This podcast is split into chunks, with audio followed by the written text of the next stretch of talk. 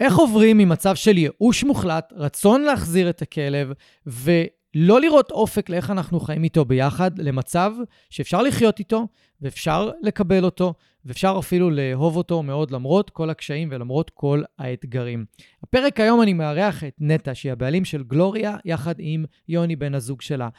כאשר הם פנו אליי לפני כמה שנים, הם היו במצב של ייאוש מוחלט, והם לא ידעו כבר מה לעשות ואיך להתגבר על הבעיות שהיו להם, והם אפילו שקלו על מסירה, אבל הם החליטו לעשות עוד ניסיון ועוד מאמץ, למרות האילופים שהם עברו ולמרות כל הניסיונות שהם עשו, כדי לראות איך אפשר לשפר את המצב. ומהרגע שאני נכנסתי לתמונה, החיים שלהם עם גלוריה רק השתפרו.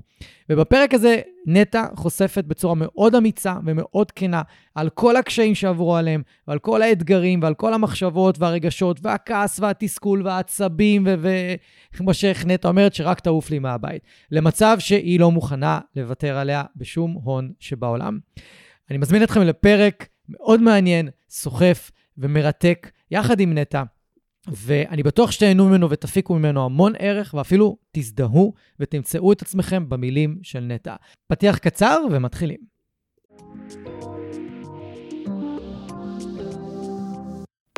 ברוכים הבאים לפודקאסט מחשבות של כלב. שמי גיא תיכון, ואני עוזר לבעלי כלבים להתגבר על בעיות התנהגות מורכבות עם הכלבים שלהם בשיטות המבוססות על תגמולים וחיזוקים בלבד.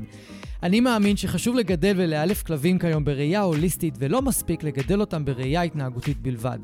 אני מעביר תהליכי ליווי אישיים, סדנאות וקורסים דיגיטליים לבעלי כלבים וגם למאלפים שמחפשים להתפתח ולצמוח. בכל יום שישי יעלה פרק חדש בנושא מרתק, דרכו אלמד אתכם להבין כלבים ברמה עמוקה יותר, מה שיסייע לכם לשפר את הקשר איתם ולחיות בצורה הכי טובה ביחד. אם אתם נהנים מהתוכן, אשמח שתשתפו אנשים אחרים שמגדלים כלבים וגם הם יוכלו ליהנות מהפודקאסט. תודה שאתם מקדישים לי מזמנכם, המשך פתיח קצר ומתחילים.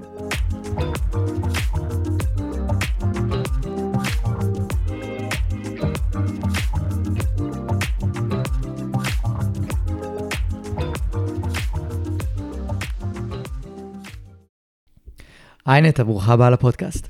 היי גיא, איזה כיף להיות פה. מעולה, שמח ממש שהסכמת להגיע, לדבר על גלוריה. אגב, תמיד כשאני אומר גלוריה, עולה לי השיר בראש, של גלוריה, גלוריה. לגמרי. יש, יש כזה שיר כל הזמן. אה, אז ככה, בואי נחבר קצת את המאזינים אליכם, אלייך ואל יוני ואל גלוריה. אה, תני קצת רקע, ככה, ספרי קצת עליכם, קצת על גלוריה, אנחנו בכל מקרה הולכים להיכנס לעומק אה, לסיפור שלה, אבל תני קצת איזה רקע כזה. אה, סבבה. אה, היי, אז אני נטע. אה, אני גרה נטע קיצוני, אני גרה בתל אביב עם בן זוג שלי יוני, והכלבה שלנו גלוריה, שהיא כמעט בת שמונה, אה, לפי גיל משוער. כלבה מאוד יפה, נתחיל מזה. זה נכון. נתחיל מהתכונות החיוביות שלה. היא יפה מאוד. והיא סוג של כלבת כלביות, עמותות, כנענית, אבל לא באמת, מעורבת, אבל לא באמת. ערבוב טוב של אה, כל מיני גזעים ותכונות. אה, כלבה שהיא מאוד רגישה, מאוד מאוד מאוד, אה, וריאקטיבית, ריאקטיבית לכלבים. יש עוד הפתעות בדרך, אבל בעיקר, בעיקר כלבים. הם מהמם. הטריגר המרכזי שלה, ובעצם עבדנו עם, עבדנו איתך מהמם. לפני כמה שנים טובות, כשהמצב היה לא, לא חייכני ושמח כמו עכשיו, אלא באמת ככה בשיא ההתמודדות שלנו עם, ה, עם הריאקטיביות שלה וכל מה שזה בעצם אה, הביא. אלינו. כן. מעולה. אז אנחנו נדבר לאורך הפרק על מה הביא אתכם, נדבר ממש על הבעיות, ככה נעשה איזה אה, heads up לכל מי שמקשיב. כדאי לכם להקשיב לכל הפרק, כי יש פה גם סיפורים על התמודדויות אישיות עם כל הנושא של אה, הריאקטיביות והקושי לגדל כלבים, כלבה רגישה. אה, ומה היה בתחילת התהליך, כי יש כאן כמה דברים מאוד מעניינים על תזונה טבעית, ושקשור לנביחות, וקשור ל, אה, לאביזרי אילוף והורדת סטרס, יש פה כל מיני דברים מאוד, אה, מאוד מעניינים, וגם מה עזר לכם בסופו של דבר להתמודד עם הריאקטיביות, ששאלתי אותך לפני הפרק, אז את ענית תשובות שהן לאו דווקא קשורות לאיזה טכניקת אילוף, או לאיזה משהו כזה, אלא דברים שהם אחרים, ואני חושב שזה מאוד... אה, מאוד מעניין לשמוע. וניתן כזה איזה מסר בסוף לאנשים ש- שמקשיבים. אז הייתי שמח שנתחיל ותספרי לאנשים מה גרם לכם להרים טלפון אליי ו... ולקרוא לי, שנבוא נתחיל לעבוד עם גלוריה. כן, אה, זה באמת, אני חושבת ש... כבר במפגש הראשון זיהית את, ה, את המצוקה. כן. Uh, מצוקה זה מה שהביא אותנו אליך. Mm-hmm. ברמת ה... כמו בבטמן, שמשדרים את הסימן של בטמן לשמיים, ומקווים שמישהו יבוא. uh, אז גלוריה באמת הומצא, אימצנו אותה בערך בגיל שנה, היא לא הייתה בבית לפני, לפנינו, אז באמת היו הרבה דברים שהם... היו דברים רגילים של כלבי עמותות, היא לא, היא לא עלתה אף פעם במדרגות של בניין, היא פחדה מזה מאוד. אה, היה צריך ללמד אותה ממש להתנהל בבית ולהתנהל עם בני אדם וללכת עם רצועה אה, ודברים שהיו בסיסיים. אה, אבל בהתחלה הרגשנו שזה פשוט מה שקורה עם כלבים חדשים, ו... וכן התחלנו uh, לעבוד עם, uh, עם מאלפים בגלל שהיו כל מיני חרדות ודברים שהרגישו לנו קצת מוזרים איתה או קצת שונים, אבל די ייחסנו הכל לקשיי התאקלמות. ובעיקר אני אגיד שהיא הייתה בת שנה והייתה נראית לנו, על פניו, mm-hmm. uh, מאוד מאוד חברותית. כלומר, גרנו mm-hmm. אז בדיזינגוף, ממש מרכז תל אביב, האזור הכי, לדעתי הכי סואן מבחינת כלבים, אולי חוץ מפלורנטין כזה. אה, וכל כלב שהיינו פוגשים, באמת היא הייתה, אה, מבחינתנו, באה אליו בשמחה ורוצה לשחק, ו... אבל היו התנהגויות קצת מוזרות, והיה גם שלב שפתאום היא התחילה לנבוח על, אה, על אנשים. ברחוב mm-hmm. זה פתאום בא, אבל בעיקר על כלבים. Mm-hmm. ש... ולא הבנו, ו... והמשכנו להפגיש אותה. וזה הגיע למצב שהיא כבר התחילה, בשלב הזה כבר, היא הייתה מתפרצת כבר על כלבים. ואנחנו, שוב, במשהו ש... קצת קשה לי, אה, זה בדיעבד מאוד לשפוט כן. אותי, אותנו. אז אני אגיד שאני במקום מאוד רגשי איתה. כלומר, גלוריה תמיד הייתה נקודה מאוד רגישה אצלי. Mm-hmm. היא גרמה לי לבדוק אצלי המון דברים. Mm-hmm. בדיעבד זה מאוד עזר, אה, לי ולה. אבל בזמנו זה היה ממש... התחילו כבר להצטבר כל מיני כעסים ומתחים, וגם היחסים בינינו לא כל כך טובים. אני חושבת שאנחנו לא, לא הבנו אותה ולא ידענו לקרוא mm-hmm. אותה. אה, היא הייתה ממש, בזמן, עכשיו אני יודעת שהיא ממש שידרה לנו מה היא צריכה ומה היא רוצה, שזה לא לפגוש את כל הכלבים האלה, שזה לא טוב לה, ואנחנו היינו זורקים אותה לתוך גינות של מטר על מטר, שתשחק עם הכלבים של השכנים. כן. וכל כלב שעט עלינו ברחוב, עטנו עליו בחזרה, כן, הם צעירים, הם רוצים לשחק, בואו תוציאו אנרגיה, תתעייפו. זה תמיד ה... כן, כן, זה טוב, זה מעייף לי את הכלב, זה המשפט הקבוע, לא, לא משפט שהיום אני מוכנה שיגידו לי.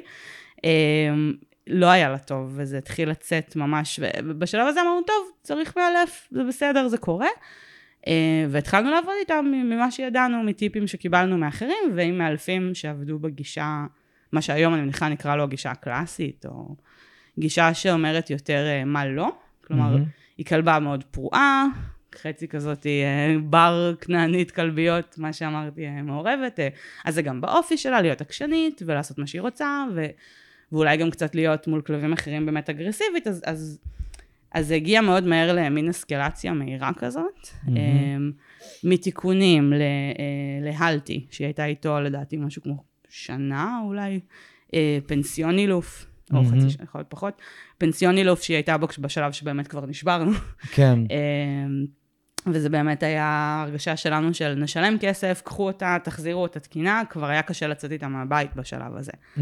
כלומר, הרגשנו שהיא הופכת מגורה חמודה וחברותית לכלבה תוקפנית. Mm-hmm. ו... והיה לנו נורא קשה עם זה. אה, ואז באמת גם היינו שלנו סטודנטים. לא היה את כל הכסף להוציא עליה, הוצאנו, מה. שאין הוצאנו גם. כן. וחשבנו שהפנסיון יפתור את הבעיה, וזה רק, בדיעבד רק החמיר. Mm-hmm. באמת היא הייתה צריכה ללמוד דברים בסיסיים, כמו שאמרתי, היא הייתה צריכה ללמוד ללכת עם רצועה, היא הייתה צריכה ללמוד להתנהל בבית, נכון, כל זה נכון, אבל היא חזרה, והיא חזרה לאותו בית, אה, עם אותם בעלים. והמערכת יחסים בינינו לא הייתה משהו, וזה באמת התבטא בסוג של חוסר אמון הדדי. כלומר, היום אני יודעת שהיא לא סמכה עלינו, אנחנו בטח שלא סמכנו עליה.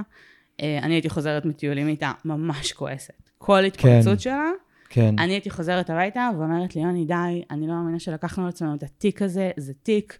אני גדלתי עם כלבים, כל המשפחה שלי חולים על כלבים, יש לנו מלא כלבים, לא פגשתי כלבה כזאת בחיים.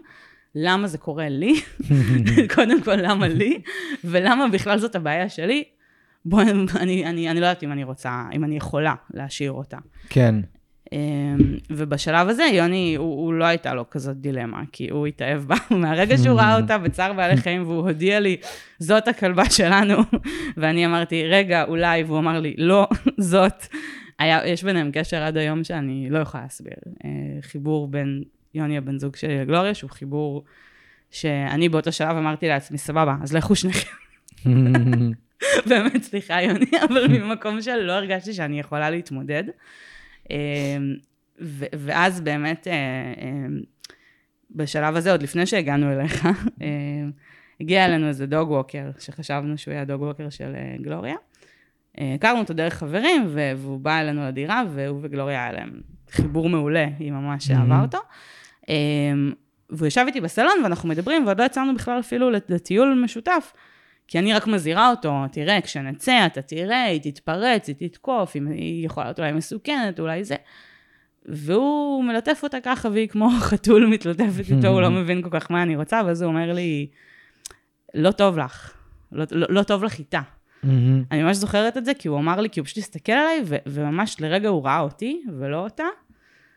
Uh, אני חושבת כנראה בעל המקצוע הראשון שגם מתייחס אליי ולקושי הרגשי שלי היה בסיטואציה, ולא רק צריך לתקן את גלוריה, סוג כן. של, אלא גם, שנייה, יש פה בעלים בסיטואציה לא פשוטה, צעירים וסטודנטים, ו- וגם ככה מנסים כלכלית כזה לעבוד בשלוש עבודות, ופתאום התיק הזה נופ- נופל. והוא אמר לי, את, את גם חוששת באיזשהו מקום, היא, לא, היא, היא לא באה לך טוב, את חוששת ממנה. כן. הוא ממש זיהה את זה, ואני ישר באנטי. אני ישר באתי אליו באנטי, ברור. מה פתאום, ברור, כמובן, מה פתאום הבעיה אצלי, יש פה, אני שוב, אני אמרתי, אני אלופת הכלבים, גדלתי עם כלבים, היא כלבה מקולקלת, מה אתה רוצה ממני? אמ, אחר כך, כש, כשטיילנו בחוץ, וגם אני זוכרת שבטיול הזה היא הייתה ממש טובה. כלומר, היא הלכה איתו והיא לא התפרצה על אף כלב. ואני בלב שלי מקללת אותה, ואומרת, עכשיו את, עכשיו את עושה הצגה, עכשיו את מתנהגת יפה, זה הזמן. כשאני רוצה שהוא יעזור לי, ואת כאילו כלבה מושלמת. ו- וזה באמת היה משהו שלא הבנתי, אז מה היה ההבדל ביני לבינו? האנרגיה שהוא בא אליה, אה, הוא, הוא קרא מיד את זה שהיא באמת באמת לא רוצה להתקרב לכלבים, אז הוא עקף אותם, ואני לא הבנתי מה הוא עושה. כאילו, תחשוב על זה היום, גיא, איזה מצחיק כן. זה, שאני חשבתי, אני, שהיום עושה סללום עם, סביב כלבים שלא באים בטוב, אמרתי לעצמי, מה עושה המוזר הזה ולמה הוא עוקף את הכלבים, למה הוא נכנס לחצרות? הוא בדיוק עשה מה שהיה צריך לעשות. אז היא שמחה עליו, mm-hmm.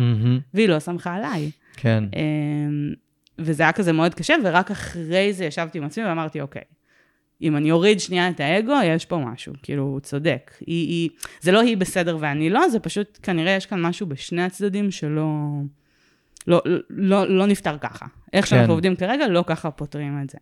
אה, הראש שלי בשלב הזה היה במקום של אני לא חושבת שאני יכולה להתמודד עם זה. אה, וכאן באמת נכנס העניין שאני יודעת שכשאנשים מאמצים כלב ריאקטיבי, והשלב שבו זה מתגלה ויוצא לאור וזה לוקח קצת זמן, אה, זה גם שלב של שבירה.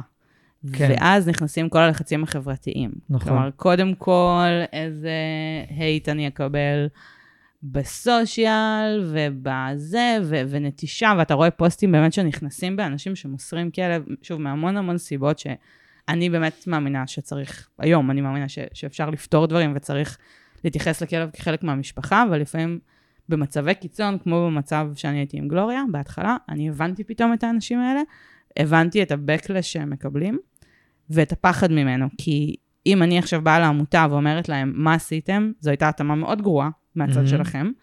עדיין אני מחזירה כלבה שיכול להיות שיחליטו שהיא לא ברת אימוץ, יכול להיות שירדימו אותה, כאילו זה במרכאות עליי. אה, והיה לי נורא נורא קשה, באמת, כי אני חושבת שכלבים הם חלק מהמשפחה, וכמו שלא מוותרים על, אה, על בן משפחה שיש לו צורך או קושי ונלחמים עליו, אה, אז באותה מידה באמת צריך... אבל כשאתה במקום הזה בחיים ופתאום מבין מה זה דורש ממך, אני לא חושבת שזה כזה שחור ולבן ושזה לא כזה פייר ישר לתקוף אנשים במצב הזה ולהגיד, לא משנה מה, תתאבדו על החיים שלכם ועל מה שיש לכם ותשאירו את הכלב. זה דילמה.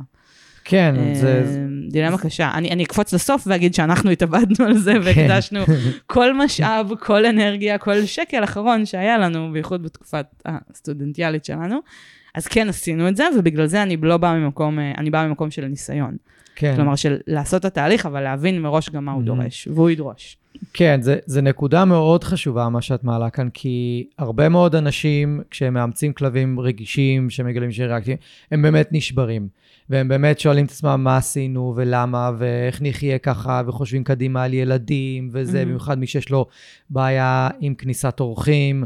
גלוריה ממש טובה עם אנשים, אז כאילו זה לא, לא אישו, אבל מי שכן, אז זה אישו גדול מאוד. והרבה מה...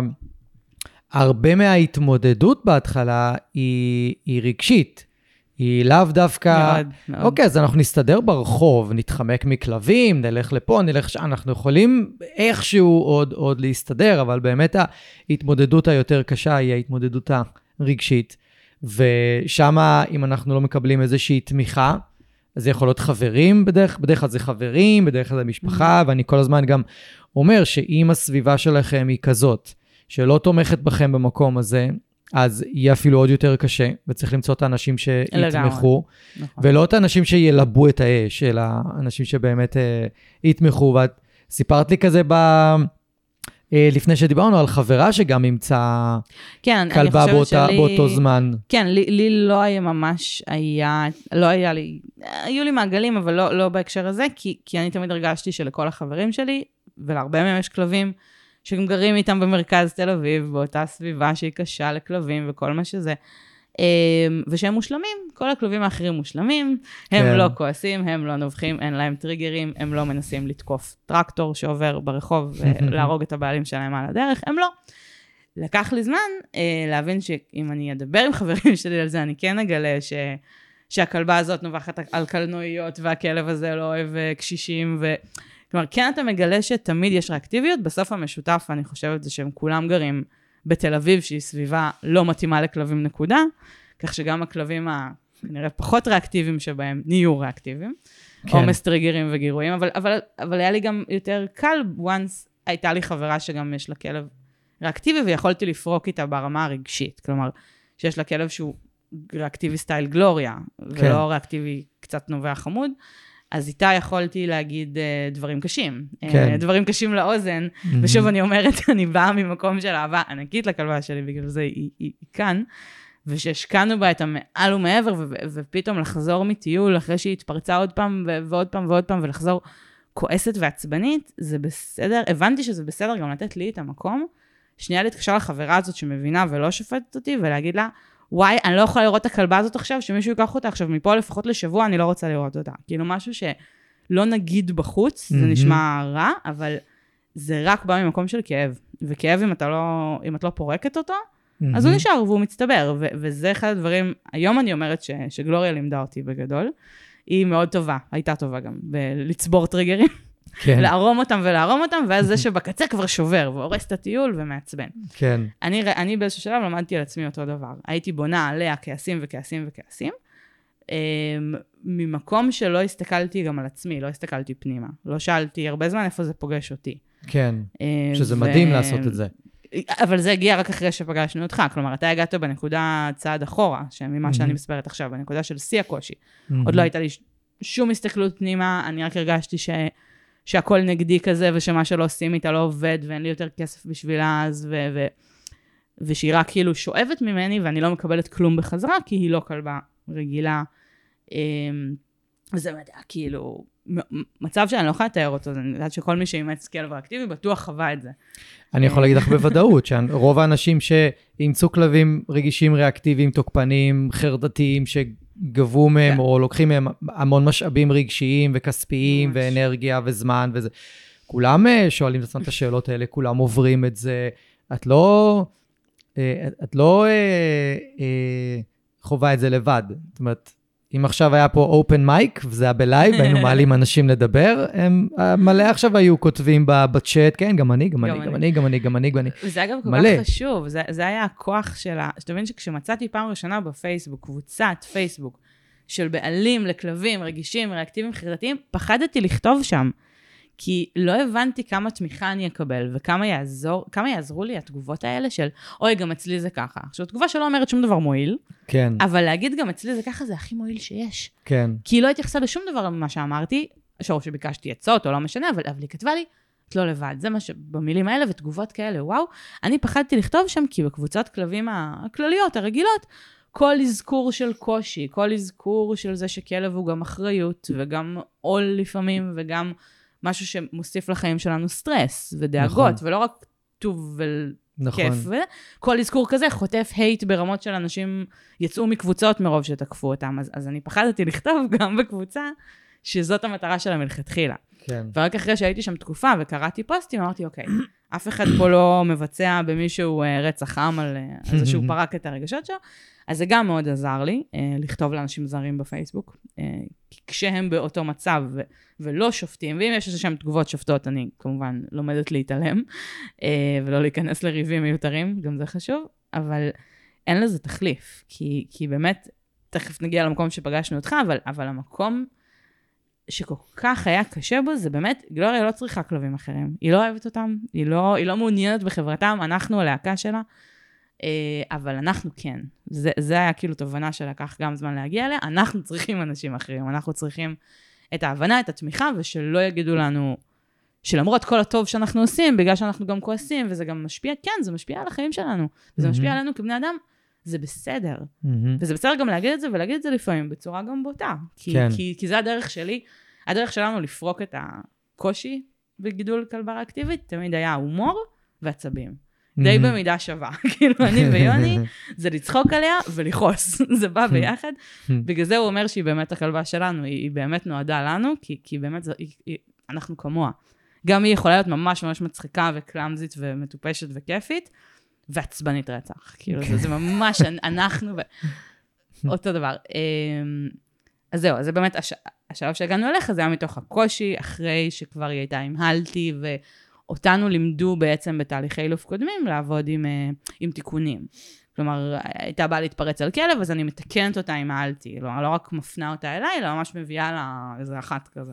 כן, הלטי, אה, למי שלא מכיר, מכירה, זה אביזר ששמים על האף של הכלב, הרצועה מתחברת לאף, וכל המשיכות שכלב מקבל זה דרך הראש, דרך האף, שזה אזור מאוד רגיש, וזה אולי נראה פחות כואב מחנק או דוקרנים, אבל... זה מאוד מאוד מאוד יכול לתסכל כלב ו... אז חשוב לי באמת לו. להדגיש שהרבה בעלים ממלתי, גם אני בהתחלה אמרתי למאלף, אז מה פתאום, אני לא מכאיבה עליו. אני לא באתי ממקום של להכאיב לכלבה שלי, מה פתאום, אף פעם, כן, היינו להפך. כן, אבל הייתם מיואשים. היינו מיואשים, והוא אמר לנו, אבל זה מה שיעבוד, ואל תדאגי, זה לא יכאב לה, כי היא תלמד לא להגיב בצורה מסוימת, once את, את בעצם מתקנת. כלומר, חוויה של כאב לאור טריגר, תגרום לה, להתנהגות להשתנות. וזה כל כך הפוך ממה שאנחנו עושים היום, שאפילו קשה לי להסביר את זה, אבל, אבל זה הרציונל שהוסבר לנו של נכון. האלטי, שזה לטובתה. אני אסביר רגע, כן, לגרום לכלב כאב זה אף פעם לא לטובתו, אבל העניין כאן הוא שהרציונל הוא נכון, mm-hmm. אבל החוקים של ענישה, היה לנו פרק שלם על, חוק, על uh, תופעות לוואי של ענישה, מי שרוצים ללכת להקשיב. הרציונל הוא נכון, אבל הכאב שצריך לגרום לכלב כדי שהוא יגיד לעצמו, אני לא רוצה יותר להתפרץ, הוא צריך להיות מאוד גדול. Mm-hmm. מאוד מאוד גדול. שוב, כל זה לא... וההלטי לא, לא מייצר כזה, כזה לא אפקט. לא קלטנו בכלל שכואב לה, חשוב להגיד שזה בא ממקום של, באמת, אנחנו הבנו שזה לא כזה נורא, ש- שזה עדיף, זה לטובתה, זה זמני, גם באמת, אני אומרת, גם אמרו לנו תמיד, זה זמני, זה לא עכשיו לכל החיים, זה לתהליך האילוף, ובתהליך נורא ניסינו להגיד לה מה לא, ולהעניש אותה על, על, על התנהגות, על תגובה, להעניש אותה על כן. מה שהיום אנחנו מזהים כפחד ודברים אחרים. ו- ו- שזה ו- בעצם לא לטפל בש- בשורש הבעיה, זה לטפל רק בסימפטום. הבעיה. אבל שוב, אני מדברת, הכל זה חוכמת הבדיעבד, וכמו כן, שאנחנו כן. תמיד אומרים, בדיעבד רואים, רואים שש-שש. כלומר, מאוד קל לי עכשיו להסתכל אחורה ולהגיד, מה, ברור שלא מכאיבים לכלב, מה זאת אומרת? אבל זה לא כזה ברור, קודם כל יש בעלי מקצוע, ואת סומכת עליהם, ואת גם באה ממקום של ייאוש ותעזרו לי, נכון. ומישהו בא ועוזר, וגם הוא בא בכוונה טובה, נכון. גם מי שמשתמש בשיטות האלה, הוא לא בן אדם שלא אוהב כלבים, והוא לא בא להכאיב להם, הוא בא לעזור. רובם. רובם, אוקיי, סבבה. לא, לא, באמת, רובם, יש כאלה, יש כאלה שממש לא אוהבים כלבים. אנשים מדהימים, ואוהבי כן. כלבים, והם גם אהבו את גלוריה והיא אהבה אותם. אני ממש רוצה להגיד שאני לא באה פה להגיד שמישהו בא בכוונה רעה, היא פשוט כלבה שזה לא יכול לעבוד איתה. זה לא יכול לעבוד איתה, היא פשוט כזאת... היא עקשנית אבל סטגלנית, כלומר היא תעשה כאילו היא זורמת עם בעלתי, אבל ברגע שיהיה טריגר שכן יבוא לה לכסח, או ידליק אצלה פחד מאוד מאוד גדול, היא תצא גם אם יישבר לה האף. כן. גם אם יישבר לאף, גם אם אני אחזיק את האלטיבי כמו עפיפון, תעוף מעליי באוויר, היא עדיין תצא עליו, ו- ו- ולקח המון זמן שיפול האסימון, שהעפיפון הזה עדיין עף, כי, כי מה שגורם לו לעוף זה לא זה, זה לא, לא הפחד מענישה יעצור את זה, זאת הכוונה שלי, אלא מה שגורם לה להתפרצויות, לא נגענו בו בכלל. כן, הפחד מהענישה יעבוד, אם הענישה תהיה מאוד חריפה. והענישה לא עבדה איתה אף פעם, אני חייבת כן. להגיד, היא כלבה, היא, עד היום אנחנו צוחקים על זה שהיא לא... איך עברת כל כך הרבה תהליכים וזה, ואת לא יודעת מה זה לא. אתה יכול פתאום באיזה קטע לצעוק לה לא, והיא תסתכל והיא תחייך, תשומת לב. אוהבת גם תשומת לב שלילית, לא משנה, אבל לא, לא עובד איתה. היא, יש לה ממש mind כזה משלה, ולא היינו צריכים, שוב, היום זה מצחיק אותי להגיד לא היינו צריכים, לא יכולתי לדעת. שזאת לא, לא הדרך. ממש לא. אמ, ממש לא. זה מאוד קל, אני, אני, אני חושבת, להיות שיפוטי על עצמך כזה, אבל, אבל חבל שלא הייתי יותר שיפוטית אז. אז פשוט מאוד הלכתי עם מה שאמרו לי, ומה שהיה נשמע לי שזה באמת גם לטובתה וגם לטובתי. ואני שוב אדגיש שזה גם הרגיש כמו מוצא אחרון. כלומר, אני אמרתי לעצמי, הפנסיון אילוף לא יעבוד, והשיטה הזאת לא יעבוד, והאלטי לא יעבוד. כל פעם ניסינו משהו, וכל פעם אמרתי, אז היא, אז היא, אני לא יכולה לחיות איתה. כי, כי היא כבר משפיעה עליי. ובאמת, בנקודת שבר הזאת, אמ, אני אגיד שבאמת היה רגע אחד שבגללו, שבגללו היא נשארה ובגללו היא גם פה עד היום. לא, סתם, באמת שהיום היא... נגיע גם בהמשך לחלק האופטימי, סליחה על כל הדיכאון עד עכשיו, כלבה מדהימה, מדהימה, ואני מאוהבת בה ברמות קשות, לא הייתי מאוהבת בה בהתחלה. וירדנו למטה ב... להוריד אותה לעשות פיפי בלילה, שהיא הייתה אצלנו בסך הכל איזה חודשיים. אה, לדעתי, זה היה ינואר כזה חורף, חורף, חורף, וגשום, ואני רק רוצה ללכת לישון, והכלבה רוצה לעשות פיפי, ו... וירדנו לשדרות בן גוריון. עכשיו, באמת זה היה גשם, ותל אביב בגשם כבויה. קיוסקים, אנשים, אין כלום, הכל היה סק... באמת, לילה שאין נפש חיה ברחוב, אין חתול ברחוב, שזה נדיר לבן גוריון. אה, ובאמת קלטתי שאין אף אחד, וזה היה קצת מלחיץ, וירד גשם, ואמרתי, טוב, היא, היא תעשה את ענייניה, ו- ונרוץ חזרה למעלה. ואני הולכת איתה אה, בגשם, והגשם מתגבר, ואני בלב רק מקללת אותה, תעשי כבר, תעשי כבר, אני לא רוצה להיות פה. ו- וגם ככה, כמו שאמרתי, זו התקופה הכי טעונה שלנו הייתה כזה בהתחלה, שהיא רק התחילה להתפרץ, וזה היה נורא קשה להבין מה פתאום נהיית לי פתאום כלבה כזאת. ואז מתוך איזה שיח בבן גוריון, אה, קרוב לדיזנגוף שם, אז אני הולכת איתה ופתאום יוצא מישהו. עכשיו, מישהו זה מישהו שני מטר, היה נראה לי, לא יודעת, גבר ענק כזה, סוג של מקרר. אה, והוא יוצא מתוך השיח והוא מתחיל ללכת לכיווני, ואז אני מתחילה ללכת לכיוון הבית כבר, וגלוריה, כאילו, היא הולכת כזה, היא לא בהתחלה קולטת אותו, והוא מתחיל ללכת מהר, והוא מתחיל להתקרב אלינו ולהתקרב ולהתקרב. ואז אני התחלתי להילחץ, ובאמת, אני מסתכלת, כי זה אזור שאני באמת רגילה שיש בו המון אנשים, והכל היה סגור, וכל הקיוסקים, הכל סגור. אז אני אומרת, טוב, יש לי שתי דקות הליכה עד הבית, בוא נעשה אותם בעשר שניות. התחלתי לרוץ, ממש סוג של ריצה חצי כזאת.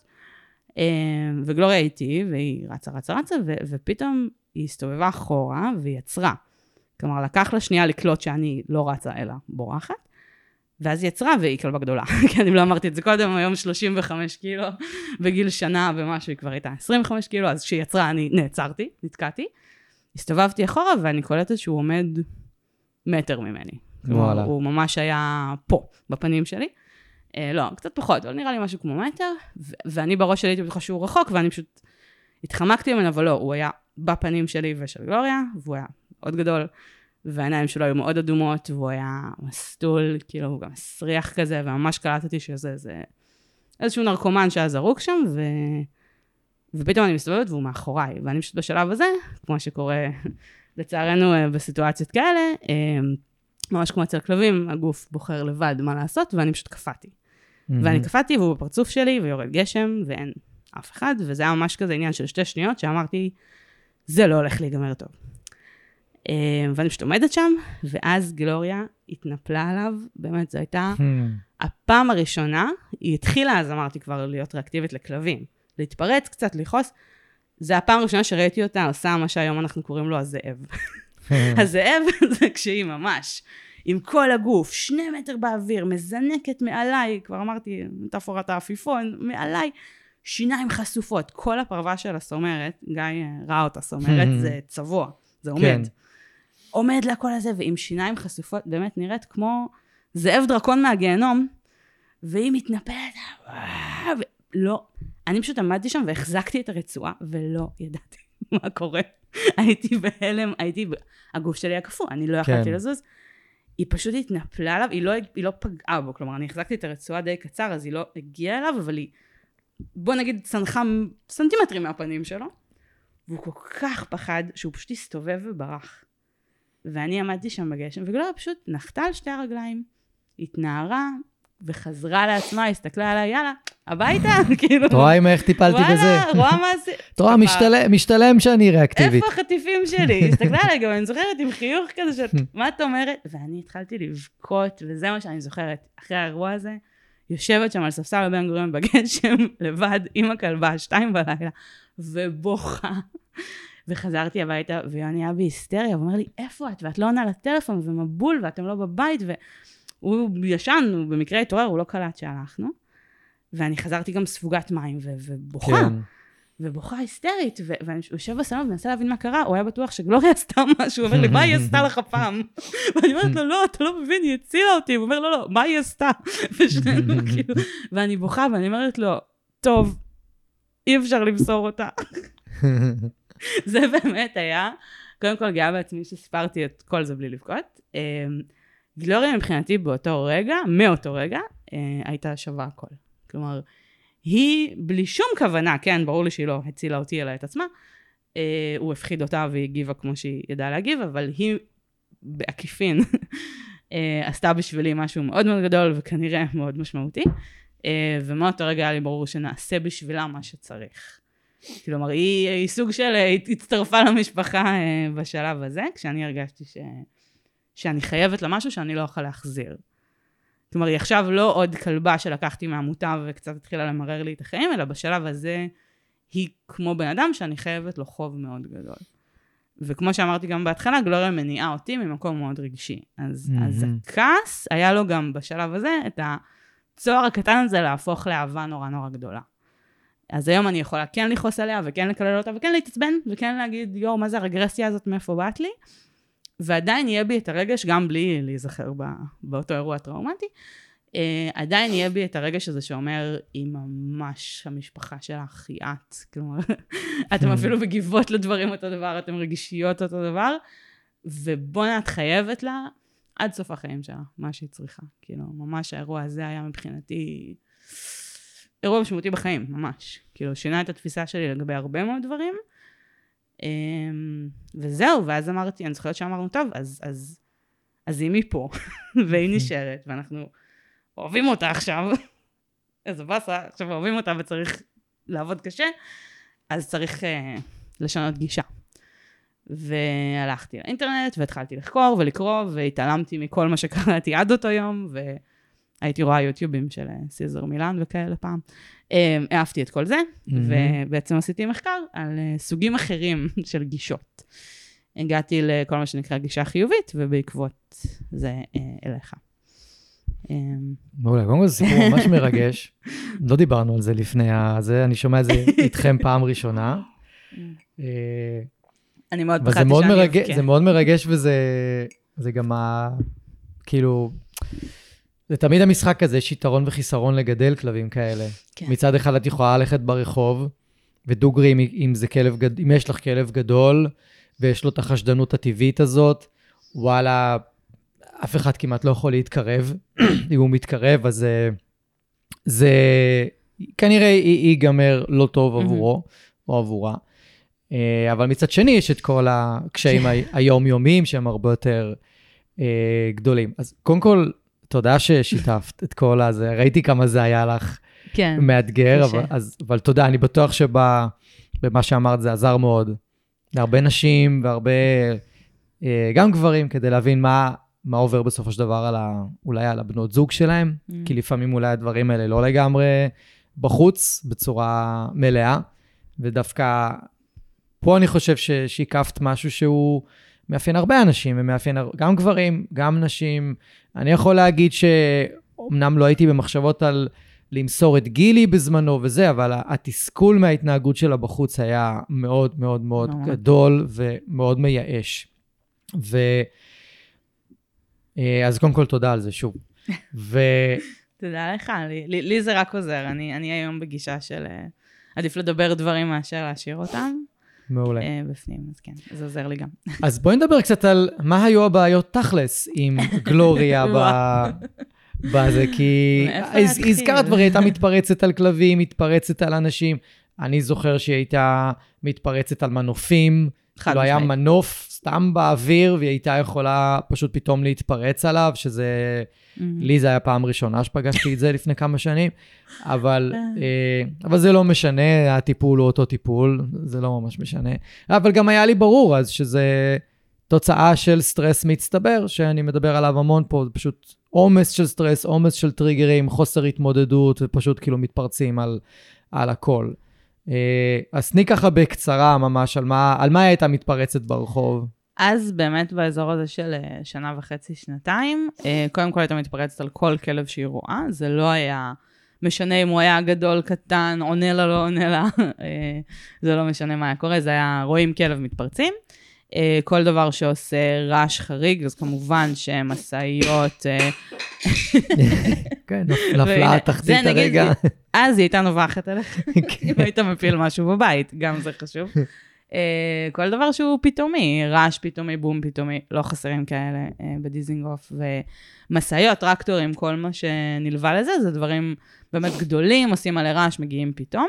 אנשים, שחשוב להגיד שבאמת היא כלבה של, של אנשים, ושל ה... היא כל כך אוהבת בני אדם, ו- והיא לאנשים ברחוב גם, או בעלי מקצוע שבאים הביתה, כלומר, זה מדהים אותי להיום לחשוב איך אז, לפעמים הייתי רואה אדם אה, קשיש, הייתי עוברת צד השני של הרחוב, כי היו קשישים מסוימים שהיא פתאום הייתה נובחת עליהם, וזה הכניס אותי לחרדות על, של אוי, לא, היא גם ריאקטיבית לבני אדם, מה עשינו? בדיעבד היא לא. מה שהיה לה אז, זה, זה, זה באמת גם העומס טריגרים, וגם זה שאנחנו לא הבנו אותה, לא הבנו מה זה עומס טריגרים, זה מונחים שהיום אנחנו משתמשים בהם. לא הבנו מה מלחיץ אותה ונתנו לדברים להצטבר. אז היה כלב, ואז מנוף, ואז עוד כלב של השכנים, ואז שהגיע הקשיש, הוא כבר ה top של הפירמידה. כן.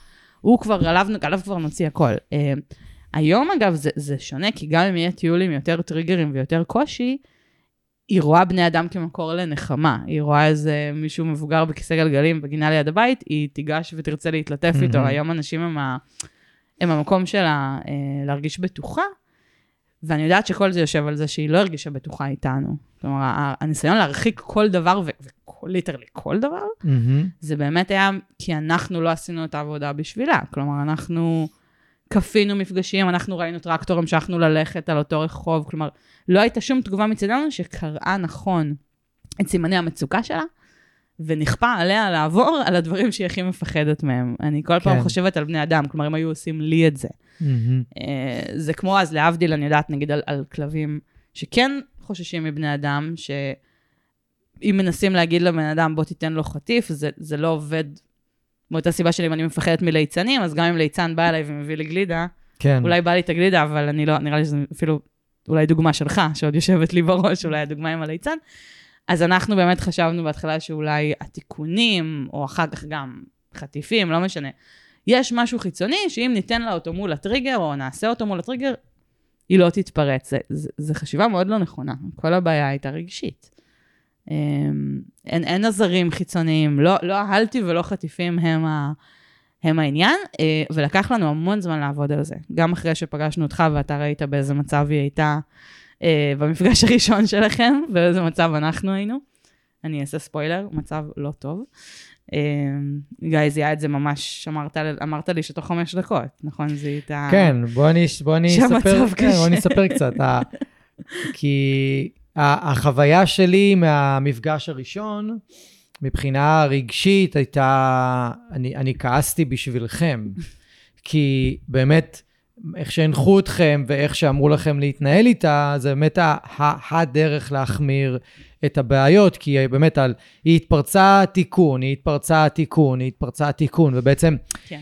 היא לא קיבלה אלטרנטיבות, ועכשיו הדרך לטפל בבעיה התנהגותית, אם כלב מתפרץ על משהו, זה שתי דרכים.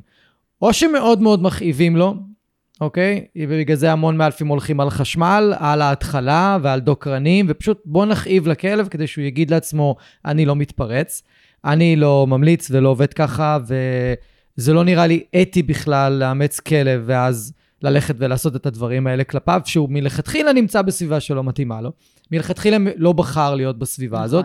מלכתחילה לא בחר מי יאמץ אותו, ואני יכול להמשיך את כל העניינים האתיים עד מחר.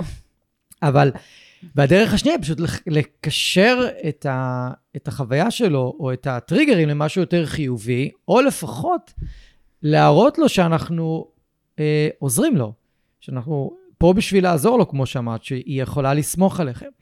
ובמפגש הראשון, מה שאני ראיתי זה אה, גם את התסכול שלכם, את החוסר אונים שלכם, שאתם כאילו, אנחנו עושים מה שאומרים לנו ושום דבר לא עובד, כאילו, ואת התסכול הזה של זה פשוט לא עובד.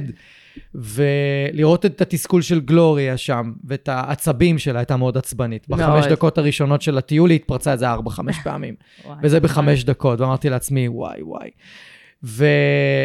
ווואי וואי מכיוון של, לא, לא, אתם- אני, אני אתם צוחקת בטח על זה. היום, אני אז בכיתי אחרי כל טיול איתם, מה כן. זאת אומרת? של אתם בטח סובלים והיא סובלת, ו... אבל כן, אבל כן ביקשתי מכם לקחת את הרצועה כבר אחרי חמש דקות, שזה משהו שאני כמעט ולא עושה, כי אמרתי, טוב, בואו בוא פשוט נבדוק מה עובד איתה. ואז התחלתי לעבוד איתה עם חטיפים. התחלתי לעשות איתה טכניקות מאוד פשוטות של, אה, הנה טריגר, קחי אוכל, הנה טריגר, קחי אוכל, והיא עפה על האוכל. היא לקחה... אה, חשוב לציין, לא אמרתי את זה עליה בהתחלה, היא יפה והיא גרגרנית. כן, אז כאילו כל כלב שהוא גרגרן זה, זה אוכל אוטומטית. זה המניע להכל, היא גם תעזוב טריגר קשה מאוד בשביל בדיוק, האוכל. אז ברגע שאני רואה כלב הבדיעבד. כזה, בדיוק, כשאני רואה כלב כזה, אני מאוד אופטימי. אממ. למה? כי אם אני, אם אני אקבל את השיתוף פעולה של מי שמגדל את הכלב, והכלב גרגרן, הסיכוי להצלחה הוא מאוד מאוד גבוה. אז כבר התחלתי לעבוד איתה עם אוכל, לא נשארנו הרבה זמן למטה, כי ראיתי שהיא בעומס, אפילו לא התרחקנו יותר מדי מה, לא. מהבניין, פשוט הקפנו את הבלוק. וראיתי שהיא עובדת, ראיתי שהיא משתפת פעולה, והיא גם התעלמה מכלבים והיא התעלמה מטריגרים על השיעור הראשון כבר. כאילו, כל הטריגרים שהיא לא הצליחה להתעלם מהם, Mm. היא הצליחה להתעלם, הורדנו את ההלטי, היינו עם קולה רגיל, שזה בדרך כלל משהו שאולי לא הכי טוב, אבל זה היה עדיף על ההלטי. אז גם הורדנו את ההלטי על ההתחלה, גם uh, עבדנו איתה עם אוכל, מהמם, כן. וראינו שהיא משתפת פעולה, ראינו שהיא עובדת, ראינו שהיא מתעלמת מטריגרים, ראינו כן. שתכלס, יש מה לעשות. נכון. ואז גם עלינו הביתה, ואז דיברנו על דברים נוספים. עכשיו, איך אני תמיד ניגש למקרים האלה? אני ניגש אליהם בצורה הוליסטית. אני רוצה לראות את ההתנהגות של הכלב, אני רוצה לראות אם יש בעיות תזונתיות, בעיות בריאות, כל מיני כאלה. עכשיו, מה, מה דיברנו אצל גלוריה? זיהינו מהר מאוד שכואבת לה הבטן. אתה זיהית, אנחנו כן. היינו בשוק, כי הווטרינר אמר שהיא ממש בסדר, וכולם אמרו שהיא נורא בריאה, ואז אימצנו אותה והיינו אצל אותו וטרינר שוב, הווטרינר שלנו עד היום, והוא מדהים, אבל כולם אמרו לו שהכל בסדר, היא גם החלימה מעיקור נורא מהר, היא כאילו הייתה צעירה ובריאה, כן, לא אבל היה... זה, זה דברים שצריך לשאול שאלות מאוד ספציפיות, כנראה, כמו האם, איך נראה הקקי שלה, ואם יש לה גזים, אני זוכר שאמרתם שהיו לה... יכול להיות, סביר להניח. זוכר שהיו לה, ו... אה, ושהיא לא אכלנית גדולה של האוכל היבש. של האוכל היבש, נכון. ואחד הדברים שעוד הדליקו אצלי נורה אדומה, היה, היו ה... היה העניין שהיו לה דלקות אוזניים חוזרות. נכון, נכון. היה לה דלקות אוזניים, היה לה דמודקס ב... זהו, אז ברגע שאני הזה. שומע את כל הדברים האלה, אני מתחיל להידלק לי נורה, אוקיי, הגוף חלש. Mm, הגוף חלש, הגוף לא בריא. אז אם היא לא אוכלת כמו שצריך, והצואה שלה רכה, והיא מפליצה פה ושם, ויש לה דלקות, דלקות, חוזרות, כן. תזונה לא מתאימה.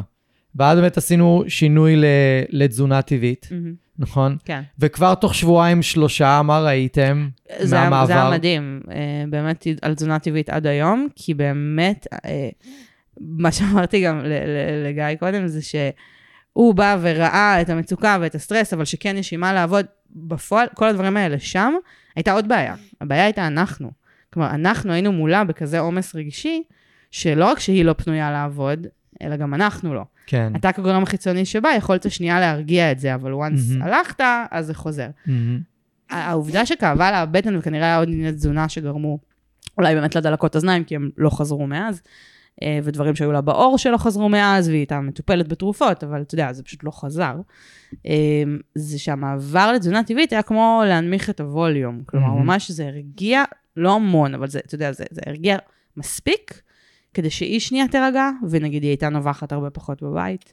שאנחנו שנייה נירגע, כי היא נובחת פחות בבית, וכי אנחנו רואים שהיא קצת יותר בצ'יל, אז אנחנו קצת יותר בצ'יל, ואז כשיוצאים החוצה יותר קל, וזה... כמו שטריגרים יכולים להיערם, אני חושבת שהם גם יכולים לרדת, להיות מוסרים קצת, ואז העומס הוא, הוא פחות. נכון. וברגע שעברנו לתזונה טבעית, היה שינוי פיזי אצלה שהוביל ו... לקצת שינוי התנהגותי, וזה מה שעזר לנו לתת פוש על השינוי ההתנהגותי הגדול, מהמם. שכנראה לא יכל לקנות, לקרות קודם, אף אחד לא היה פנוי לזה, כולנו היינו עסוקים ב- בלכעוס ולסבול. כאילו, כן. בגדול זה היה העיסוק שלנו איזה חודשיים ככה. אה, אז כן, אני מאמינה שזה האוכל, ועובדה שעד היום, אם אנחנו אה, שמים אותה בפנסיון, ושם היא צריכה לקבל אוכל אה, לא יבש, אבל משהו שהוא בין לבין, לא, לא האכלה טבעית, כי בגלל אילוצים טכניים פשוט, אז היא חוזרת עם קיבה קצת פחות טובה וזה. כן. ברגע שהחזרנו אותה לאוכל הטבעי, נגיד אחרי שהיא חזרה מהפנסיון שלה, זה מתאזן וזה מדהים. אתה ממש כן. יכול לראות את ההבדל כשיש כמה ימים שהיא לא אוכלת האכלה טבעית, נגיד. כן, שזה מאוד משמעותי, כי עצם זה שירד הווליום, כמו שאמרת, זה אפשר לכם גם לראות, לדעתי, זה אפשר לכם לראות שאוקיי, יש מה לעשות. לא הכל אבוד, נכון. נכון? כן, כן, לגמרי. וגם התרגילים שהשארתי לכם לעשות איתה בחוץ, אז אתם התחלתם לראות שאוקיי, היא מתחילה להתעלם מטריגרים, זה לא מושלם, זה לא לא, 100%, אבל, היא, אבל לא. היא מצליחה להתעלם, יש פה ושם מקומות כן. שהיא היא מצליחה, ואני זוכר שאנחנו נפגשנו או שבועיים או שלושה אחרי המפגש הראשון, עוד פעם, אני לא זוכר למה, לא משנה, להיות, כן. אבל אני זוכר שהשיחה הייתה של, אה, אוקיי, היא פחות מתפרצת, כאילו, זה יותר טוב. יש הרבה עבודה, אבל, כן, כן. אבל זה יותר טוב. יש הרבה עבודה, אבל- אבל באמת, להנמיך את הווליום אפילו בקצת, זה כבר נותן לבעלים שנייה לנשום. כן. כאילו, שנייה יש שקט, שנייה יש רגע כזה של, אוקיי. ו- ו- וזה היה הכל תלוי בה. כלומר, כל עוד היא הייתה במשהו מאוד מאוד סוער וקשה וזה, לא הייתה לנו שום אפשרות שנייה לנשום. התקופה שהיה לי כאילו הכי קל, זה היה כשהיא עלתה בפנסיון אה, אילוף. כן, כי בפנסיון אילוף פתאום לקחו אותה, ופתאום אמרתי, וואו, אני לא יודעת אם אני רוצה שהיא תחזור. כן, Um, זה היה רגע קשה בשבילי גם להודות בזה. גם שוב, היום אני אומרת את זה כאילו בקלות, זה, זה לא קל להגיד, וזה מהמם. קשה. ו- וזה הייתה, זה לא היה הנמכת ווליום, זה היה פשוט כאילו הוצאה של הבעיה מהבית. כן, Uh, ואז אחר כך, בעקבות כל מה שקרה ושסיפרתי לך, אז באמת אמרנו, "אה, לא יקרה דבר כזה שוב. כלומר, אנחנו לא רוצים להגיע למצב שאנחנו אומרים, אה, טוב לנו וכיף לנו, כשהכלבה שלנו לא- לא בבית. הופה, שומעים את אה, פפו. בוא, גיבור. בוא חמוד. נה, איזה. חמוד אתה. כן, לא זה מה. שקורה שמקליטים פודקאסט בבית עם כלבים. בוא חמוד. יואו, חמודי. כן. כלב שמירה עם תנין, פודל. אמ, אז באמת זה משהו ש... שאמרנו, אוקיי, אז, אז אם יש הנמכה של הווליום, זה אומר שאפשר, גם כשהיא בבית, להגיע למצב של כיף לנו וטוב לנו. ובאמת, אני חושבת שזה היה הברייקפרו הראשון כזה של האוכל, שהניע תהליך, אני יכולה להגיד שלקח המון זמן והמון עבודה, אבל בסוף, כשיש כלבה ש... אני קופצת שנייה לסוף, כי אני באמת רוצה. להרים את ה... להרים פה.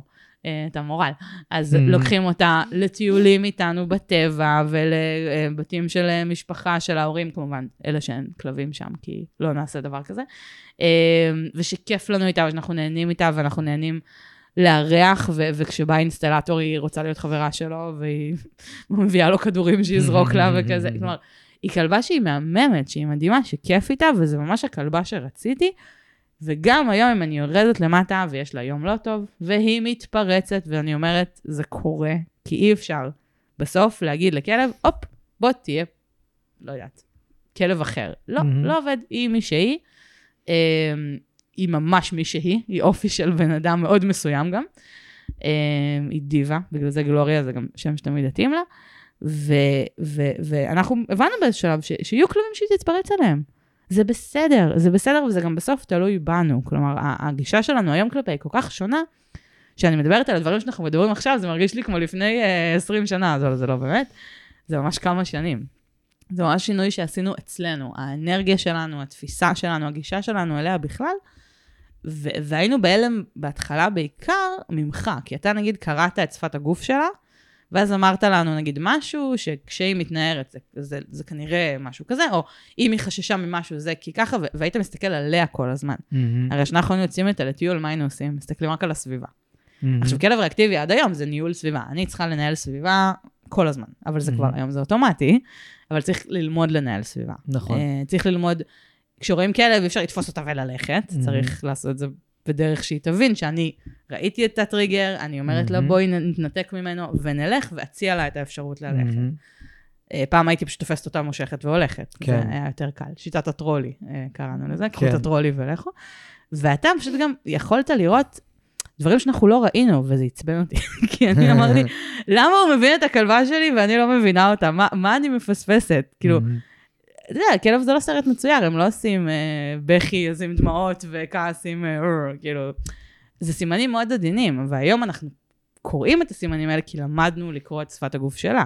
כן. והיא גם לא בהכרח שפת גוף של כלבים אחרים. אני מניחה שזה משתנה, אבל, אבל אצלה הסימנים, כאילו בדיעבד אמרנו, וואו, בטח שגיא ראה את זה, כי זה תמיד היה שם, היא תמיד תקשרה איתנו. נכון. היא פשוט עשתה את אותם סימנים, בתקווה שיום אחד נפסיק להיות מטומטמים וגם נבין. ויום אחד התחלנו להבין אותה, אז אני חושבת שגם הכלבה הייתה כזה, טוב, תודה רבה, כאילו. מודה לכם שאחרי שלוש שנים הבנתם מה אני רוצה, כאילו כזה. לגמרי. לקרוא את השפת גוף שלה, זה, זה מוריד את הסטרס גם אצלנו. כלומר, אני יכולה לצאת לטיול, ושוב, אני מנהלת סביבה, אני לא הולכת לתוך כלבים, אני לא הולכת לתוך טריגרים. אנחנו גרים אה, קרוב לעבודות, עברנו דירה, עברנו מדיזנגוף לאזור של כיכר המדינה, ואנחנו גרים ליד עבודות של רכבת הקלה. אז פתאום היינו צריכים לעבוד הרבה יותר חזק על טרקטורים, מערבלי בטון, משאיות, וואו, מנופים, מנופים, אמרת מנופים, איזה כיף זה מנוף. אז אני יכולה להיות איתו במצב שאנחנו נעבור טרקטור, כי אין לי עכשיו איך לברוח. הוא פה, חייבים להתמודד איתו, אבל תמיד אם יש לי, אפילו להיכנס לחצר של הבניין ולחכות שהוא יעבור, אז אני אתן לה את האופציה, ולפעמים היא כבר תיקח אותי לבד. כלומר, מהמם. היא, החלק שהכי אהבתי היה כשהיא התחילה פשוט לראות טריגר, ובמקום להתפרץ עליו, היא בעצמה הלכה הצידה, בין אם זה לחצר של בניין. ובין אם זה יוטר, נגיד מה שלימדת אותה לעשות. כן. כי יוטר, היא חולה על זה, היא מסתובבת, וגם אמרתי לך, לפעמים היא מסתובבת בכזאת התרגשות, כי עושים יוטר, אז גם מקבלים חטיפים, אז, היא- אז היא עושה סיבוב ונתקעת בעמוד. ואז היא מבסוטית ממש, כאילו, לפעמים הכלבה לא, לא ברור מה עובר עליה, אבל היא, היא נורא שמחה, אה, וההתרחקות מלווה תמיד בכיף ובחטיפים וזה, ו... ואז אמרתי לעצמי, וואי, איזה כיף. אני, אני לפעמים, אני לא קולטת את הטריגר. היא קלטה אותו, אני לא יודעת מה מדובר. והיא הסתובבה, אז אני הולכת איתה, מה שאת רוצה. רוצה לב- לברוח, נברח, אני לא יודעת ממה אנחנו בורחות. לפעמים גם אין שם כלום והיא מדמיינת, לדעתי, שדים ורוחות. כן, מה שאת אה, מתארת זה... מה שאת מתארת זה מאוד יפה, כי זה, זה מה שאנחנו שואפים אליו. אנחנו רוצים שתהיה לנו כזאת תקשורת אה, גבוהה עם הכלב שלנו, שאם יש משהו מפריע לך, תגיד לי, תסמן לי, אני אראה את זה. כן, אבל אני רוצה רגע להשחיר. ונלך מפה. אבל אני רוצה להשחיר, בגלל שהיא בכל זאת כנענית. זה- כל מה שאני אומרת עכשיו זה אולי בין 65 ל-70 אחוז מהמקרים. זה מדהים. כלומר, יש לי את ה-40 אחוז, אפילו הייתי אומרת 40 אחוז, 35-30 מהחיים של גלוריה, אה, שהיא כן תראה טריגר ותתפרץ. אה, כי אני לא ראיתי בזמן, היא לא ראתה בזמן, הוא בא לנו לפנים, אין לאן לברוח, אבל זה התפרצות שונה. זה לא התפרצויות שאתה ראית. אז- הרבה יותר חלשות. א', היא כבר לא עולה על שתי רגליים ובאוויר. היא בדרך כלל נשארת על הקרקע, היא קצת אולי תמשוך קדימה, והיא תמשוך קדימה ותעשה לטרקטור או לכלב בצד השני של הרחוב את הזה שלה, ואז אני אומרת לה, אוקיי, סיימנו, תודה, והיא היא יוצרת, בסדר, בואי נלך. כלומר, היה פה את התעוף ממני, זה לא קרוב לעצימות שזה כן. היה. אז ברור שזה לא יהיה נעים אם זה יקרה לכלב אחר בפרצוף. אני גם מבינה בעלי כלבים אחרים, בייחוד כאלה שאנחנו גרים בשכונה שלהם כבר שנתיים, והם רואים אותי ואת גלויה, והם הולכים לבד. עכשיו, זה שתי אופציות, או שהכלב שלהם גם ריאקטיבי, מצוין לי, לכו, או שהם כבר uh, חוו את גלוריה במצב הזאב שלה, והם הולכים. Uh, שזה גם טוב לי, uh, וזה גם אחלה, אני שמחה כשמתרחקים ממני. Uh, ואז זה משהו ש, שאני יודעת שכבר קרה, כלומר, זה כלב שכבר חווה התפרצות, אבל זה לא קרוב למה שזה היה, זו התפרצות שהיא מעצבנת, אבל היא מינורית, והיא לא מעצבנת כי אני כועסת עליה, היא מעצבנת כי זה מעצבן אותי של אוי, לא הצלחנו, כאילו לא הצלחנו לעצור את זה. כן.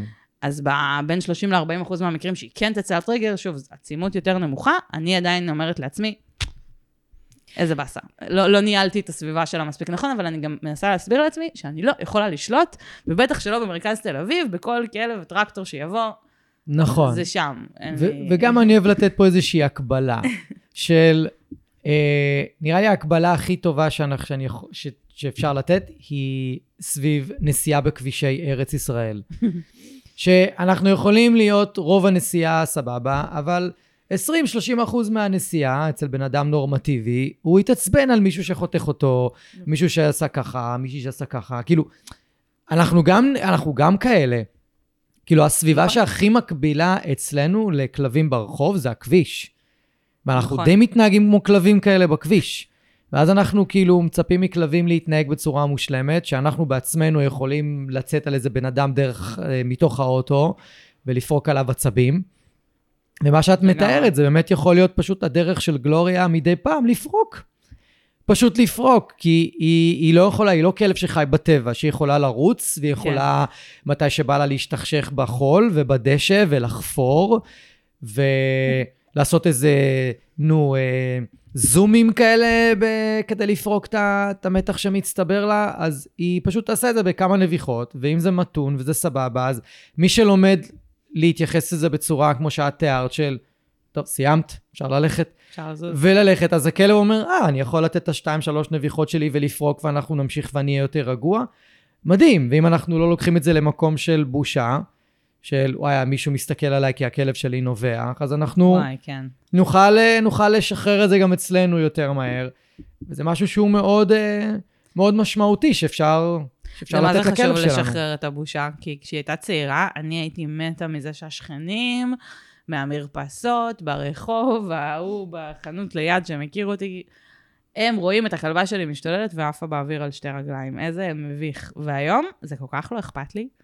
כל. כך לא אכפת, אבל, זה, אבל אני אומרת, זה קשה, לבעלי כלבים ריאקטיביים קשה להגיע לשלב הזה, הוא פשוט בסוף מגיע לבד. נכון, אה, לשחרר את מה יחשבו, באמת, לא אכפת לי.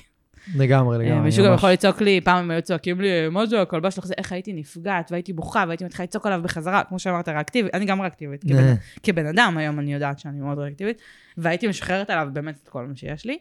והיום גם אם משהו כזה יקרה, למרות שעברנו לשכונה שבה לשמחתי, יש פחות אינטראקציות בין בעלי כלבים, זה מאוד משמח.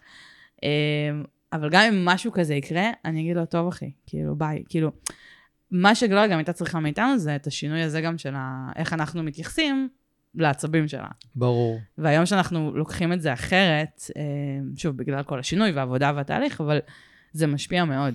כן, כן, כלבים, כלבים לא אוהבים שאנחנו מגיבים בדרמטיות. היא גם מאוד רגישה, היא הם אוהבים קולטת- לראות אותנו כן. קולים. היא קולטת בשנייה. אם אני ביום רע בעבודה ובאתי הביתה ואמרתי לה, יאללה, בואי, בואי, טיול, ואני מוציאה אותה בעצבים, איזה טיול גרוע יהיה. היא יוצאת למלחמה, היא יוצאת לקרב. זה ממש משנה איך אני יוצאת מהבית. ואז אני אומרת, גלוריה, אבל אותי עצבנו בעבודה, מה את קשורה? על מה את כועסת? את ישנת כל היום. היא יוצאת, "מ- מי בא לריב איתי? כאילו, וזה ברור לי שזה רק... היא יותר יוצאת אימא עצבנית, מי כן, במכות? כן, היא יוצאת, יאללה, מכות, נמצא מישהו ללכת איתו מכות, והכלב הראשון שהיא תראה, ברור לי שזה...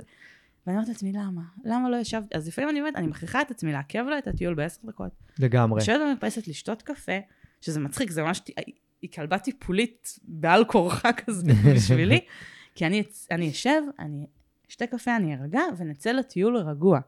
כי אם אני אבוא עצבנית מכל דבר שיכול לקרות לי, ואצא איתה החוצה עצבנית, הלך הטיול, היא קולטת אותנו מדהים, בשנייה היא קולטת. באיזה מצב רוח אתה, ומדהים. מדהים. זה מדהים. מעצבן נורא גם. בא לי שהיא תהיה פחות רגישה אליי. מעולה, אז אנחנו ככה לקראת סיום, ואני אשמח מאוד שנספר לכל מי שמקשיב, איך בעצם התהליך עזר לכם בסופו של דבר. דיברנו על המון המון המון המון דברים, איך התהליך עצמו, יחד איתי, עזר לכם. אז אני אמקד את זה באמת בכמה נקודות עיקריות, שבהן בעצם רצינו קודם כל לטפל, והרבה היה אחר כך פשוט אה, השפעה של דבר על דבר, אבל מהמם. קודם כל זה היה באמת הריאקטיביות לכלבים. אה, העובדה שבעצם היינו חייבים לתת לנו ולה אה, כלים, מה עושים במפגש עם כלב, מה עושים כשזאת חלופה להרחקה, התפרצות, כלומר, ברור לנו עכשיו, ועכשיו אנחנו מבינים שאת לא רוצה לפגוש את הכלבים האלה ברחוב, זה נכפה עלייך, בואי ניתן לך כלים להתמודדות שהם, אה, שהם לא להרחיק אותם בצורה שהיא אה, אלימה, ובואו אל תתקרבו אליי, אני, אני אעשה לכם משהו. מהמם. אז, אז באמת, קודם כל, הכלים ש, שהתחלנו לעבוד איתם ממש מההתחלה היה להתנתק מטריגר. זה לקח לנו הרבה זמן. אה, כי באמת, ברגע שהיא כבר הייתה במוד בגלל העבודה, שוב, הלא נכונה שלנו וביחד איתה, אז, אז התגובה כבר רואה כלב וזו התפרצות מיידית, זה היה מ-0 ל-100, לא, לא היה פה כן. איזשהו הרף, אז, אז היינו צריכים את הרגע הזה, את ההרף הזה שאתה, בעצם זה מה שעבדנו עליו נראה לי ישר. רגע לעזור לה, להסתכל הצידה. להסתכל כן. עליי, להסתכל על משהו שהוא לא הטריגר. להתנתק. קודם כל להתנתק. אחר כך, השלב הבא בעצם היה לבחור מה עושים עכשיו. כן. ו- וזה ממש כמו להגיד לה, בואי תעשי בחירות טובות הפעם. Mhm. בואי תבחרי. אבל- בואי נעזור לך לעשות נעזור בחירות לך, טובות. בדיוק, כי אנחנו לא עזרנו לה לפני. אז, אז, אז ממש זה הרגיש כזה צעד צעד, זה גם לקח הרבה זמן, לא רק להתנתק, אלא גם ללכת איתנו. ואז לאן הולכים? נגיד, לתוך חצר של בניין, זה משהו שפשוט היא נורא מתלהבת מלעשות. ראינו. שזה מלהיב אותה נורא, אז רצים לתוך הבניין. וכן לזכור אחרי זה, כן לחזק אותה. בת איתי, טובה, קחי מלא חטיפים. כלומר, אני לא חושבת uh, שהיא צריכה לעבוד בחינם, בוא נגיד ככה. כן. Uh, וחיזוק מילולי זה היום משהו שעובד עליה מאוד חזק בעקבות העבודה איתך, אבל זה לקח זמן. נכון. עכשיו, אם אין עליי חטיפים, חיזוק מילולי בהמון סיטואציות, כי אני גם עושה את זה כבר נכון, אז הוא יכול להספיק. מהמם. אמ, אבל גם לעשות את כל זה, ובעצם אה, לתת לה את נתיב הבריחה. כן. אה, אחד הדברים שהיא מאוד אהבה לתרגל איתנו ואיתך בהתחלה, זה היוטרן. באמת, אפילו אין לי לאן ללכת, אבל אני צריכה להסתובב ולחזור לכיוון ממנו באתי. כן, פניית וזה קשה. פרסה. כי מה קורה עכשיו עם פניית פרסה? הטריגר הוא בגב שלי, ואין דבר ששנוא עליה יותר. כלומר, היא מהמם. יכולה לראות כלב באופק, אם הכלב הוא מאחוריה, זה פי שתיים סטרס בשבילה. היא מהמם. תלך והיא תסתכל אחורה, ואולי הוא יבוא, גם אם הוא כבר מאוד רחוק, או הוא הלך בכלל לכיוון השני. היא לא אוהבת שהם בגב שלה. כן. אה, אז זה היה קשה עם, עם הפרסה. היום זה משהו שהיא עושה מדהים. אם זה עניין של שניות וצריך להגיב מהר, אין לי זמן, מספיק שאפילו אני אגיד בואי והיא, והיא תסתובב, אבל הרבה פעמים היא תקלוט את הטריגר לפניי ותסתובב באמת לבד. אה, אלה כלים שבאמת, קודם כל, היו מבחינתנו הישרדותיים. כלומר, קודם כל, שנוכל לצאת לרחוב, כן. אה, זה היה מאוד מאוד, אה, מאוד חשוב. וזה לקח באמת המון עבודה. המון המון המון זמן. אה, להתחיל מזה, ומזה כבר נבנתה עבודה על טריגרים אחרים, כל מה שאמרתי על אה, משאיות ומנופים, בגלל האזור שאנחנו גרים בו, אנחנו עובדים על זה עד היום. אה, שלא כל דבר שהוא, ואני רואה את זה היום, כלומר, אם יש פתאום רעש פתאומי, אה, משהו פתאומי שמגיע ומרעיש, היא כבר לא מגיבה אליו, שזה מטורף. כן. כי פעם רעש פתאומי חזק מאיזשהו כיוון, פשוט נתפרץ לכיוון הזה, לא משנה מה, נרחיק את מה שיש שם. אז, אז זה נגיד משהו שהוא אה, במגמת שיפור, ושוב, לא מאה אחוז, ואף פעם גם לא יהיה. זהו, חשוב אה, רגע להסביר למה זה גם לא יהיה. לא יהיה, לא. כי לא. היא חיה בסביבה שכל הזמן גורמת לה להצטברות של סטרס, והסטרס הזה צריך לצאת איכשהו, ואז הוא מצטבר, מצטבר, כמו שאת אמרת כמה פעמים בצורה מאוד יפה. ויבוא הטריגר הזה שיצטבר לה יותר מדי, והיא, כן. והיא תפרוק את זה עליו, ובאמת פשוט להבין שזה איזושהי פריקה, ולא תמיד דווקא תוקפנות. מהמם. ולכן צריך כל הזמן לשמור אותה ברמות סטרס כמה שיותר נמוכות, בדיוק. כדי שהאירועים האלה יהיו מצומצמים. זה ניהול סביבה מתמיד. אנחנו צוחקים על זה שכשאנחנו יוצאים מהבית, זה כמו משחק מחשב. כן. נכון, כשאתה יוצא ממשחק מחשב ויש זומבים ואתה צריך להיזהר מהם, אז, אז בדיוק הטריגרים שלה... היום זה אוטומטי, לקח לנו באמת זמן. אני היום יודעת להסתכל 360, אני עומדת הרי בצומת, מחכה Mhm. לרמזור שיתחלף עם גלוריה. אני לא יכולה לעמוד ולהסתכל קדימה, כמו בן כן. אדם נורמלי. אני צריכה להסתכל קדימה, שמאלה, אחורה, ימינה, כי עכשיו אני בצומת, אז, אז כלב גדול יכול לבוא לי עכשיו מכל כיוון. כן, עם כלבים קטנים, אגב, היום אנחנו אש, זה, זה דבר נהדר. היא מאוד אוהבת. היא יכולה גם לעמוד איתם ברמזור ולחכות. מדהים. שזה מדהים, אבל כלב גדול יכול תמיד לבוא לי, אז אני, קדימה, אחורה, ימין, אני, אנשים מסתכלים עליי במעבר חצייה, עובד, באמת, אין לי בושה, גם אני מסתובבת עם כל הגוף, כי זה מעצבן להסתובב רק עם הראש. כבר לא אכפת לי מה יחשבו עליי, אז אני עושה את כל הסיבוב. כלומר, אין מה לעשות, זה ניהול סביבה. הגיע כלב, עכשיו זה נורא מעצבן, כי עכשיו אני צריכה ללכת הלאה ולחצות בצומת אחר, וזה מאריך לי את הדרך הביתה ואני ממהרת. אז זה גם, לנשום עמוק רגע, ולהבין שאין ברירה. אם אני אחכה לו בצומת הזאת והוא יבוא והרמזור לא יתחלף, חבל על, ה, על הקרחנה שתהיה. אגב, אנחנו כבני אדם, אנחנו כבני אדם עושים את זה כל הזמן. מה, נמנעים מאנשים אחרים? כל הזמן, כן, כל הזמן מסתכלים האמת, נכון. ומסביב ואומרים, לא, הבן אדם הזה לא נראה לי טוב, אני עוברת צד. נכון. או נראה לי לא נכון. בטוחה הצומת הזאת, אני, אני אלך מצומת אחרת. לא, הכביש הזה לא נראה לי טוב, אני יכול מכביש אחר. כאילו, זה מצחיק, אבל שאנחנו אומרים, למה שאני אעשה את זה בשביל הכלב שלי? אבל אנחנו עושים את זה בשביל עצמנו נכון. כל הזמן. נכון. נונסטופ זה פשוט באופן שהוא מאוד לא מודע, כן. אנחנו כל הזמן אה, מתכננים מאיפה אנחנו נלך, לפי התחושה שלנו, אם זה בטוח או לא בטוח. ואז כשאנחנו, הרבה אנשים ששומעים, אה, מה, אני צריך לעשות בשביל הכלב? כן. כן, חד משמעית כן. חד משמעית כן, אחרת זהו, פעם לא הם מרגישים לא. בטוחים. אבל עכשיו אני אומרת כן, כלומר, גם חברה שאמרה לי פעם, מה, את עוברת את הכביש? אמרתי לה, תראי, זה כלב שהיא לא הייתה יכולה להתמודד איתו, הוא גדול, הוא כמוה, הוא כנעני, כאילו, התחלתי למנות לה את כל הסיבות שזה כלב שנכנס מיד לרשימת הלא. רשימה שחורה. ו- רשימה שחורה, והיא הייתה בשוק, היא אמרה לי, מה, את קלטת אותו? וישר הסתכלת שאין מכוניות ועברת את הכביש. אמרתי לה, תראי, לפעמים אני אפילו, אני עלולה להידרס מרוב שאני זה, אבל אני מסתכלת, רואה שאין מכוניות, ואז עוברת. אמרתי לי, אבל למה? אבל, אבל זה מסוכן? אמרתי לה, בסדר. אני לפעמים אצטרך לעבור כביש, לא בצורה הכי בטוחה שאני יכולה, ואני לא ארד מול מכוניות, כי בכל זאת המחיר פה כן. הוא אחר, ברור. אבל אם הכביש פנוי, כן, אני אעבור בצ... לצד השני, כי גלוריה עכשיו לא יכולה להתמודד, אז היא אומרת לי, מה זה נורא מתיש? נו, זה נראה לך? ברור שזה מתיש, אבל אין לי ברירה. וברגע שזה נהיה אוטומטי... הצד השני הרבה יותר מתיש. בדיוק, אמרתי, הרבה יותר מתיש יהיה לי שהוא יבוא, יתקע את הכלב שלו בפרצוף, יגיד לי, אל תדאגי, הוא נחמד, ואני אגיד, אבל הכלבה שלי לא נחמדה, אתה לא מכיר אותה, ואז הוא יגיד לי, טוב, אבל אני לא זז, תעברי את, ואז יהיה מכות. כאילו, לא כן. אנחנו, הכלבים, אבל בראש אני ארצה לתת לו מכות. זה שיח קבוע שלי עם, עם, עם כאלה. אה, לא, אז זה הרבה יותר מתיש. אני מעדיפה לעבור לצד. השני. ובגלל זה אמרתי, אני מאוד מעריכה ורוצה לשלוח מכאן תודה לכל השכנים שלי, בעלי הכלבים, שרואים את גלוריה וכבר עוברים לבד, אני מתה עליכם, אני עושה להם כזה שלום בצד השני של הכביש. אני חולה עליכם, אתם אנשים מדהימים, תמשיכו ככה. אה, ובאמת העני- העניין הזה הוא, שוב, וגם היא מי שהיא. יש גנים ויש, לא יודעת מה, אנחנו בהתחלה עשינו לה בלאגן, בסדר, אבל בסוף היא לא צריכה כלבים אחרים, היא לא רוצה בחברתם, הם מלחיצים אותה. אנחנו, אנחנו המשפחה, הלהקה, וואטאבר שלה, בסדר? היא לא, היא לא צריכה את זה, זה לא כמו ילד שעכשיו, בגיל שמונה, שהיא בת שמונה, אם היא לא תהיה בחברת בני גילה, היא, זה, היא כבר מעוכבת as it is. אה, היא לא צריכה, היא לא רוצה. אין לי כן. מה להגיד, אה, לא, אבל היא נורא רוצה לשחק וזה חסר. מה שקרה לאחרונה, באמת בגיל שמונה, ושוב, אני אומרת, בעקבות התהליך, מה שלמדנו מהשיעורים איתך והכלים של...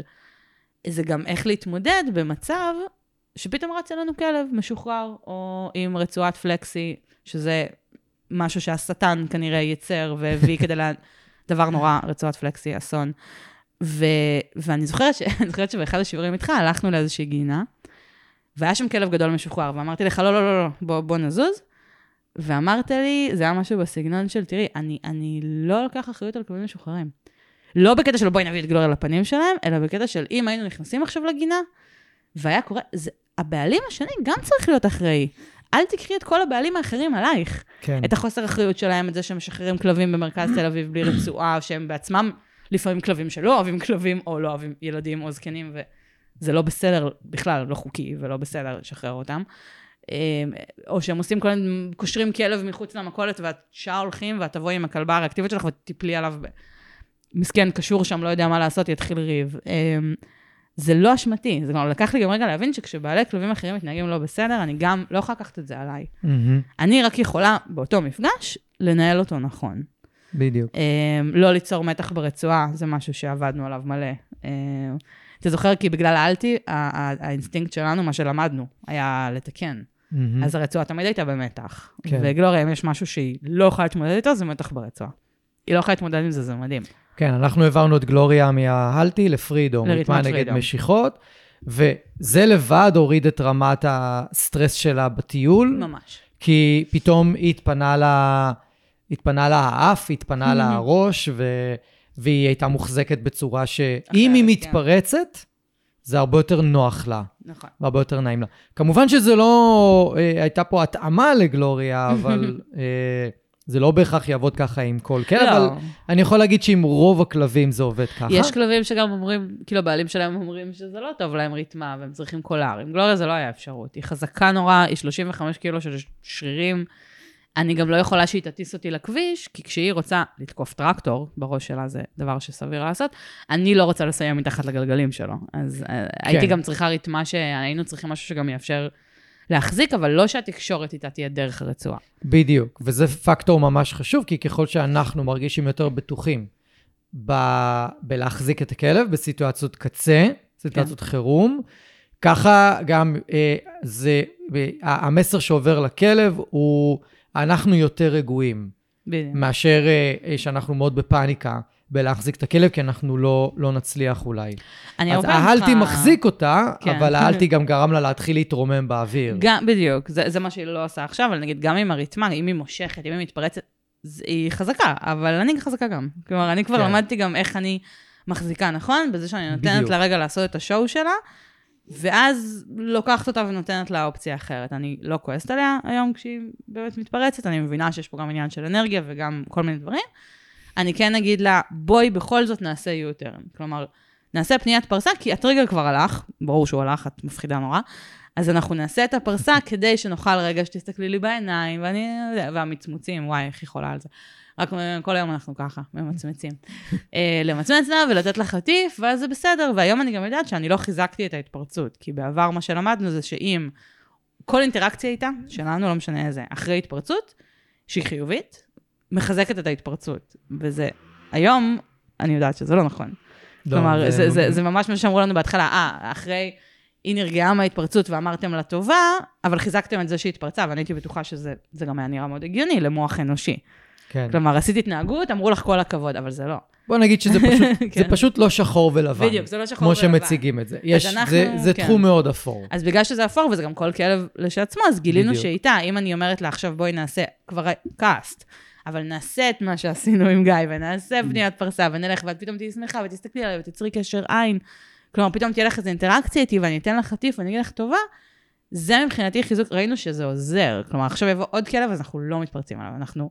אה, נגיד, אה, כן, רגע, אני יכולה לעשות פניית פרסה, כאילו, פשוט הזכרתי לה מה את יכולה לעשות במקום. מעולה. יכול להיות שזה לא יעבוד ככה על כל כלב, אבל, אבל אני בהרגשה שצריך להתייחס אליה כמו דג זהב. כאילו זיכרון של כמו 20... למה? לדג זהב. דג זהב. זיכרון של 20 שניות. Mm, כלומר, כעסת, התפרצת, איזה לא כיף, אבל בואי אני אזכיר לך מה את יכולה לעשות במקום, לא להניח שהיא זוכרת. מהמם. כי להניח שהיא זוכרת מוביל אותי, אישית, למקום של תסכול. כן. להגיד, נו, אבל אנחנו עובדים על זה כבר ארבע שנים, למה היא לא... אה, זה? אז אין בזה טעם. כן, זה בערך משפט כאילו- שאפשר, גם בני זוג יכולים להגיד ב- כן. אחד לשני כל החיים. אנחנו אומרים את זה כל הזמן, ש- שהתחלנו להבין יותר טוב את גלוריה ואחד את השני, פשוט כשהגענו למקום של ייאוש. כי מה קורה כשאתה מיואש? אתה פשוט אומר בסדר, קוסמת, כאילו, יאללה, מה שיהיה, רוצה לכעוס, תכעסי, רוצה להתעצבן עליי כי יצאתי איתה והיא הפחידה את השכנה, תתעצבן. כאילו, ברגע שפשוט נכנענו למקום הזה של הייאוש, ממנו אפשר רק לעלות. כן, לפני זה היינו צריכים להידרדר את כל ההידרדרות למטה, כן. והנקודה של הייאוש, מבחינתי, היום אני זוכרת אותה כנקודה טובה, כי היא הובילה למפנה. רק מהמקום הזה יצאנו לגישה אחרת לכל העניין. ואז כל הכלים ומה שעבדנו עליו בשיעורים, אה, ואני גם חוזרת למה שאמרת קודם, שזיהית את זה שהיא אוהבת אוכל. אז יש כלבים שאוהבים צעצועים, יש כאלה שאוהבים משחקים. לנו יש מזל, גלוריה ש... זה לא היה כזה קשה. מזל שהיא אוהבת אוכל. אה, אפילו ברמת, אני זוכרת של... אתה זוכר שטיפסת חצי גוף לתוך פח זבל? אתה לא זוכר? לא, זה אני לא זוכר. היינו באיזה חניון של בניין ורצית להראות לנו משהו.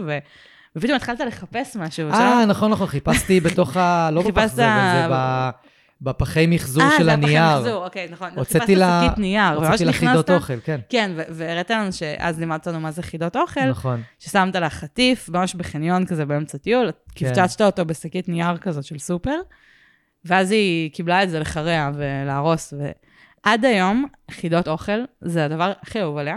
היא כבר ברמה כל כך גבוהה, שאנחנו ברמה של חטיף בתוך גליל נייר טואלט, בתוך גליל של מגבות נייר, שהוא יותר גדול, בתוך קופסת קרטון שהיא בתוך קופסת פלסטיק, ופלסטיק של take away הם אלה שקשה לפתוח. כלומר, פותחת. 4-5 חו...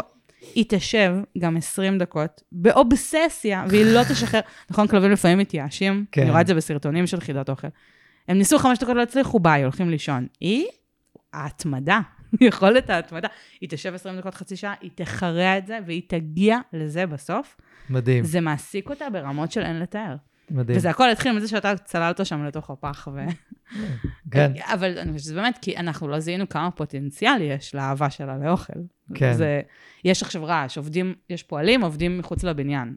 וואו, אין לי מה לעשות עכשיו. כן, היא תשתגע מה שאני לא יודעת, טלוויזיה אני שמה לה, ואגב, ניהול סביבה, אצלנו בבית תמיד יש מאוורר דולק, אה, או טלוויזיה, מוזיקה, תמיד יש איזשהו רעש לבן. זה ממסך לה מדהים. מהמם. את העבודות של הרכבת, נגיד, זה ממסך מושלם. אבל אם הפועלים הם על הבניין באותו יום, חידת אוכל, מתישה אותה, היא הולכת לישון. זה אחד הדברים שלמדנו שהיו כאילו, וואו, priceless. כן. מדהים. אז uh, יש עוד איזה נקודה, משהו שאת uh, יכולה לחשוב עליה, שעזרה לכם? אמ, או שאלה היו זה המון דברים? זהו, אני מנסה לצמצם אותם לחשובים. זה באמת תהליך, זה משהו ש...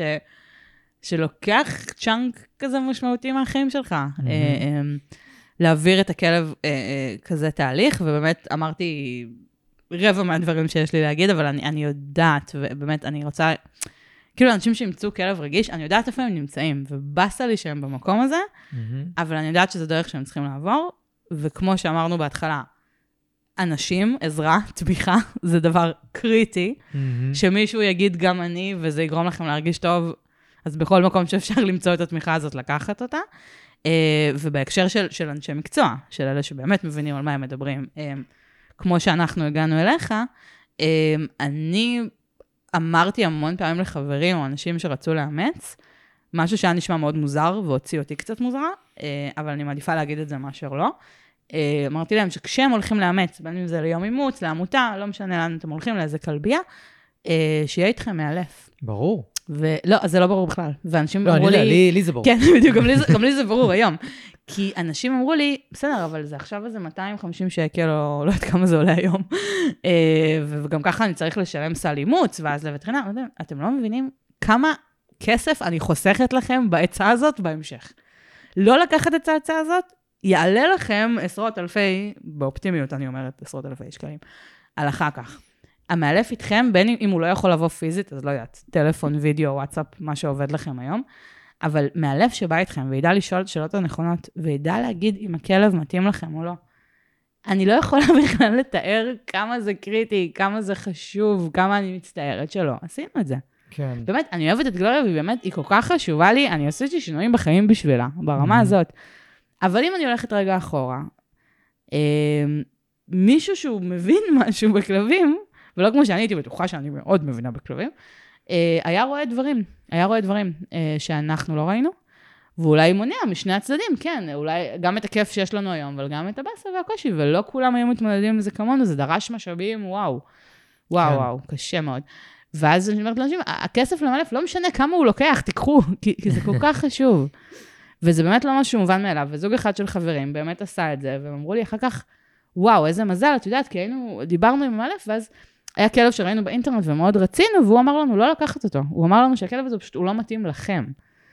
אה, אה, מבחינת רמת אנרגיה וכמה דברים, ש... לא בקטע של הוא ריאקטיבי, הוא לא טוב. כלומר, חלילה אני לא אומרת, וגם שוב, עמותות של כלבים וחתולים וחיות עושות עבודת קודש, אני בכלל לא מבינה איך הם שורדים, זה קשה נורא. הם מצילים בעלי חיים ברמות שבאמת, כאילו, זה מטורף. אני עוקבת אחרי כל עמותה אפשרית ואני תורמת ואני הכי זה. אבל בסוף לנו לא עשו התאמה טובה, אוקיי? אנחנו הגענו, זוג צעיר מחפש כלב ראשון, מי היה חושב שגלוריה מתאימה לזה? כלומר, זה, בוא נהיה כנים, זה לא... ואני לא הייתי רוצה להגיע למצב שאני הולכת וקונה כלב כדי שיהיו לי את התכונות של הגזע שאני רוצה. אני, מהמם. הרבה אנשים עושים את זה. אז הנה, אני הלכתי ואני נדפקתי, והם יכולים לשמוע את הסיפור שלי, נדפקתי במרכאות, כן? הם יכולים לשמוע את הסיפור שלי ולהגיד, כן, הנה, אם הולכים לעמותה, אז דוחפים לך כלב מופרע.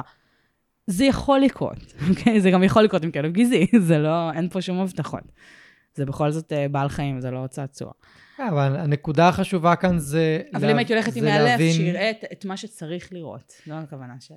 כן, אבל גם להבין שאנחנו רוצים לבחור כלב שמתאים לנו, כדי שיהיה לנו פשוט, פשוט יותר טוב, לגדל אותו. כן. ו... וזה בסדר כאילו גם לעבור את כל מה שאתם עברתם, ואולי אפילו הרווחתם מזה הרבה דברים של התפתחות שלכם, מאוד. בדיעבד, כן, התחברות שלכם. היא- זה היה צריך לקרות. היא, היא הייתה, עדיין, היא הקואוצ'רית שלנו, היא, היא עושה איתנו תהליכים שאנחנו לא היינו עושים על עצמנו בלעדיה. אני היום מאוד מעריכה את זה. כן, אבל אם אני הולכת אחורה, אחורה, אחורה, לזוג ממש צעיר שרק עבר לגור ביחד וסטודנטים ורוצים כלב, שיהיה שם איש מקצוע שידע לכוון. כן. יש אנשים אנרגטיים שרוצים כלב לרוץ איתו. אם הם יקבלו כלב בטטה, אז אולי יהיה להם באסה. אבל זה באסה. תחשוב איזה מבאס זה, באמת, כשזה הפוך. כלומר, כשאתה איש בטטה ו- והכלב שלך רוצה לרוץ במרתונים. כן, לגמרי. אז זה אפילו ברמת הדוגמה הכי פשוטה, שזה עוד לא התנהגותי בכלל, זה פשוט אופי. אבל אני חושבת שמאלף, זה כל כך הכרחי לתהליך הזה, ואני חושבת שבסוף, סליחה, זה גם רווח טוב לעמותות בסוף. כלומר, אם אני יוצאת משם כלב שפחות או יותר מתאים לי, ושוב, הכל יכול לקרות, אז החוויה היא אחרת, והדיבור על זה הוא אחר, וגם יהיו בתכלס פחות נטישות. כן. אני חושבת, זה- כאילו, לא? זה נושא. כן, זה נושא לפרק שלם, לפרק שלם, כן. כל הדבר הזה, אבל כן. אמ, אחלה. אז יש איזה מסר שאת רוצה לסיים איתו בקשר לגלוריה, לתהליך, וואי. ל- איזה משהו פשוט שאת רוצה להגיד לאנשים? אפשר גם לא, הכל טוב. לא, בסדר, אני חושבת באמת, על. על, אמרנו, אמרנו באמת מה שהיה חשוב, לפחות גם, גם לי להגיד. אה, אנשים שמאלצים כלבים ריאקטיביים ועוברים איתם תהליך, זאת אוכלוסייה ממש טובה של אנשים. כן. אני חושבת באמת שזה אנשים מאוד מיוחדים. אה, אני אגיד את זה על. עצמנו גם בגאווה, כאילו שלא כל אחד היה עושה את מה שעשינו. הרווחנו מזה, גם הרווחנו אותה. באמת שהיום היא כלבה אחרת וזה מדהים. אה, תהליך לא פשוט, אבל אני חושבת היום שלא הייתי מוותרת עליו. אז, אז בתוך המצב של הייאוש והמצוקה, שהוא המצב שאני מזדהה איתו, והכי אומרת, יואו, כשהייתי במצב הזה, ואנשים אמרו לי, אה, גם הכלב שלי, וזה עבר לו, רציתי לחנוק אותם. לא Mm. האמנתי להם פשוט. Mm. אה, אז, אז, אז לפני שירצו לחנוק אותי, אני כן אגיד שאני רוצה שיאמינו בעבודה קשה ובדרך ובתהליך, אבל שוב, זה, זה אנשי מקצוע נכונים, לא לפחד מטעויות, ו, ו, ולא לכעוס על עצמכם כל כך. כלומר, אנחנו כן. כעסנו, בתור בעלים של כלבה ריאקטיבית, רק כעסנו על עצמנו, כמה היינו עסוקים בכעס ובעצבים, והיום אני אומרת, וואי, זה היה בזבוז אנרגיה שאין לתאר. אה, ולא, ולא לצורך. כן, אבל אה, אה, לפעמים אנחנו צריכים את הכעס בשביל להזיז אותנו קדימה. חד משמעית. אז אני, אז אני רציתי לסיים במסר אופטימי. שזה, המסר האופטימי, כן. מעולה. אז נטע, תודה רבה. תודה שמחתי רבה, מאוד כן. לארח אותך. וואי, הכי שמחתי להתארח, זה היה גם מאוד טיפולי בשבילי. מעולה, מעולה. תודה רבה. תודה, גיא. אני רוצה להגיד לכם שוב, תודה רבה שהאזנתם. אם אהבתם ואם נהניתם, אז שתפו חברים, שתפו מכרים, בעלי כלבים, תעזרו לי להפיץ את הפודקאסט הזה, אני מאוד מאוד אשמח. ותעשו follow, כדי שהאפליקציה האהובה שלכם תודיע לכם. יום שישי היום, יש עוד פרק בפודקאסט מחשבות של כלב, ואני אפתיע אתכם עם נושא חדש ופרק חדש. אז אני מקווה שנהניתם היום, היה לי מאוד כיף לארח אתכם. אנחנו נתראה עוד שבוע, תהיו טובים לכלבים שלכם, תהיו טובים לעצמכם, ושיהיה לכם אחלה של סוף שבוע.